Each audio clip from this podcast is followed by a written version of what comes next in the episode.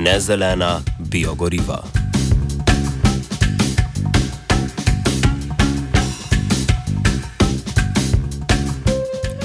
Nevladna organizacija Transport and Environment oziroma Transport in okolje je objavila podatke iz poročila Evropske zveze industrije rastlinskih olj ali krajše Fediol o rasti uporabe različnih industrijskih rastlin za pridelavo biogoriv. Organizacija opozarja, da pridobljeni podatki kažejo, da večina rasti proizvodnje biogoriv prihaja iz naslova vse večje pridelave palmovega olja. Prav slednje po poročilu, ki ga je naročila Evropska komisija, predstavlja največjo okoljsko nevarnost izmed vseh rastlinskih olj, ki so v uporabi za predelavo v biogorivo. Zaradi visoke vsebnosti olj pri oljnih palmah je v državah Malezije in Indonezije, ki sta glavni izvoznici, izsekanega največ gozda.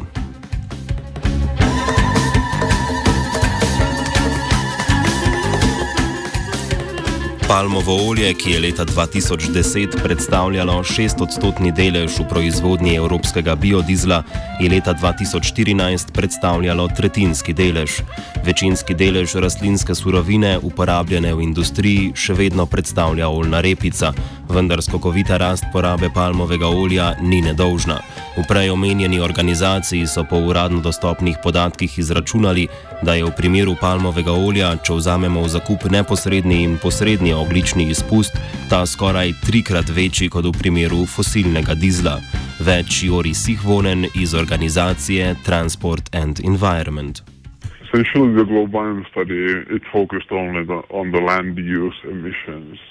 So it it had uh, the indirect and direct land use emissions. So uh, coming from uh, deforestation and uh, peatland drainage and things like this, which are very current regarding uh, biofuels and especially palm oil, but also uh, the so so it was focused. Uh, the GLOBIOM study was focused on land, but uh, in the Renewables Energy Directive there are uh, direct emissions examples, default values.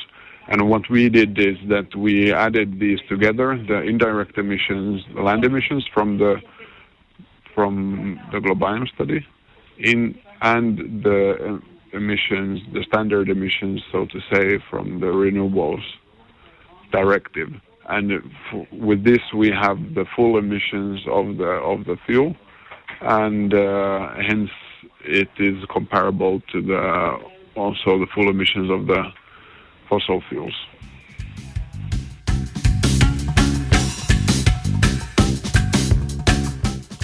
Evropska komisija je v pripravah na zastavitev energetske strategije za obdobje med letoma 2020 in 2030 naročila poročilo o okoljskih vplivih uporabe biogoriv z ozirom na posledice spremembe rabe zemljišč, kjer se prideluje določena rastlina. Poročilo z imenom Globium je javnosti predstavilo rezultate, ki niso bili ravno ugodni za industrijo biogoriv. Več o poteku raziskave pojasni soavtor poročila Hugo Valin z inštituta IIASA. Yes, so in fact, uh, in the study we did for the Commission, uh, we didn't look at the full life cycle analysis uh, of the biofuels. Uh, we look at uh, the part which relates to land use change impacts, uh, which means that to obtain a higher level of emissions for biofuels than for fossil fuel, you also need to look at direct emissions of the life cycle. But if you take, of course, uh, biofuels life cycle emissions alone, they have, of course, a bit of emissions. So producing biofuels uh, produce some emissions uh, when you have to uh, to go at the farm levels and uh, to to provide the fuel through the supply chain. Uh, what in this study we are looking at is what additional emissions you could have coming from land use displacements. So typically, uh, when you also uh, use some land to grow some biofuels, this land is not going to be used for other purposes such as food. So you're going, in fact, to have what is called an indirect impact by displacing um, the, the, the, different crops that were used for other uses in the past. So, for instance, food, but also feed for the animals. And so these uh, displacements uh, can have uh, land use change in other places. So um, for instance, if you do more rapeseed in Europe, uh, if you take uh, some uh, place that was used before to do some wheat, then this wheat is going to be produced in other places. You may need to import a bit more uh, cereals, and uh, you may displace uh, some some uses that way. So through this type of, of analysis, what we found is that depending on the feedstock you use, in Europe to produce biofuels. Uh, so if it's a feedstock for ethanol, such as uh, the cereals or the, the, sugar crops, in particular sugar beets, or if you take oilseed crops such as rapeseed, but also you can also import palm oil or soybean oil to produce biofuels. So uh, for those different feedstocks, we are looking at how much of this land use change impact uh, this would generate and how much emissions. Glede okoljske škodljivosti proizvodnje biogoriv najbolj izstopata sojino in preomenjeno palmovo olje. Ključno v tem primeru je intenzivno sekanje gozdov in izsuševanje mokrišč zaradi potreb po novih zemljiščih za gojenje industrijskih rastlin. So we found that for some feedstocks, uh, in particular in the case of biodiesel feedstocks, uh, you could have uh, some significant amount of emissions. Uh, and the, the most critical feedstocks uh, were for palm oil and soybean oil because those are produced uh, in tropical areas where you have already a lot of deforestation and uh, and also you also have in the case of palm oil plantations uh, problems with drainage of peatlands. So peatlands uh, it's land where you have a lot of of carbon in the soil because it's it's organic soil and uh, and when uh, you grow plantations on this land, you need to drain the soil to remove the water which is in the soil, and this generates additional emissions because the carbon which is then which is there in this type of soil gets oxidated, and you can generate a lot of emissions. And this takes place in particular in Indonesia and Malaysia. So due to this, at the end, uh, those feedstocks, uh, in particular in the case of biodiesel, were found to have quite significant impacts. And so if you consider those impacts in addition to the emissions that you have in the direct uh, life cycle analysis, then indeed you can find uh, higher emissions for those pathways uh, compared to, to fossil fuel emissions. Posledice širjenja proizvodnje industrijskih rastlin niso zgolj okoljske, ampak tudi socialne. Essentially, you have an increased demand. So, usually, increased demand leads to more production. So this more increased production has, um, of course, an environmental impact as you convert land into into other or into plant plantations. But the other option is that you have an increase in price, but um, it's a bit more difficult to identify this. And uh, palm oil is still the cheapest oil vegetable oil in the world, but there has been some uh, increase in that as well. But it's uh, hard to pinpoint to one certain place. There's also this uh, so-called land grabbing and land use rights issues.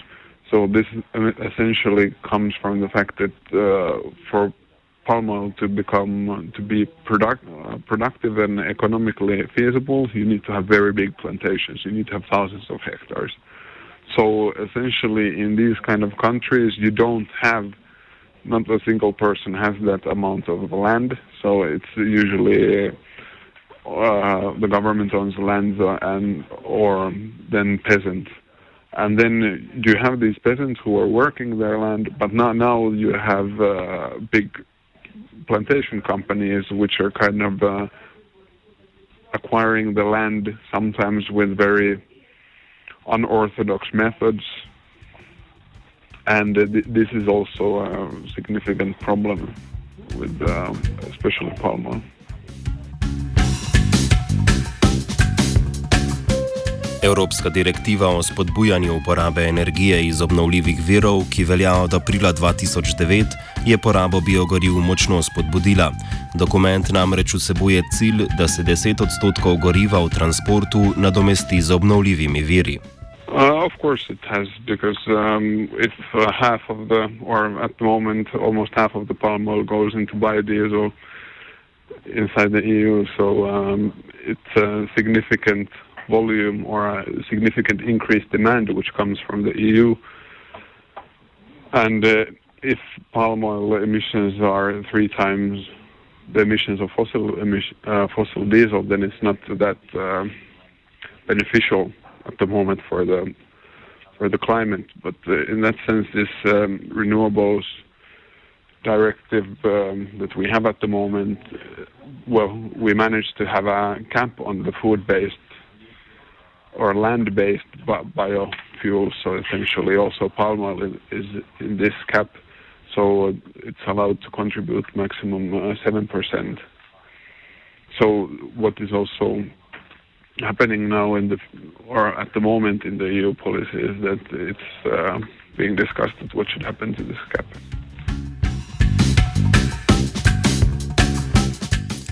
Razkrivanje neugodnih podatkov glede vpliva biogoriv na drugi strani skuša razveljaviti razvijajoča se industrija.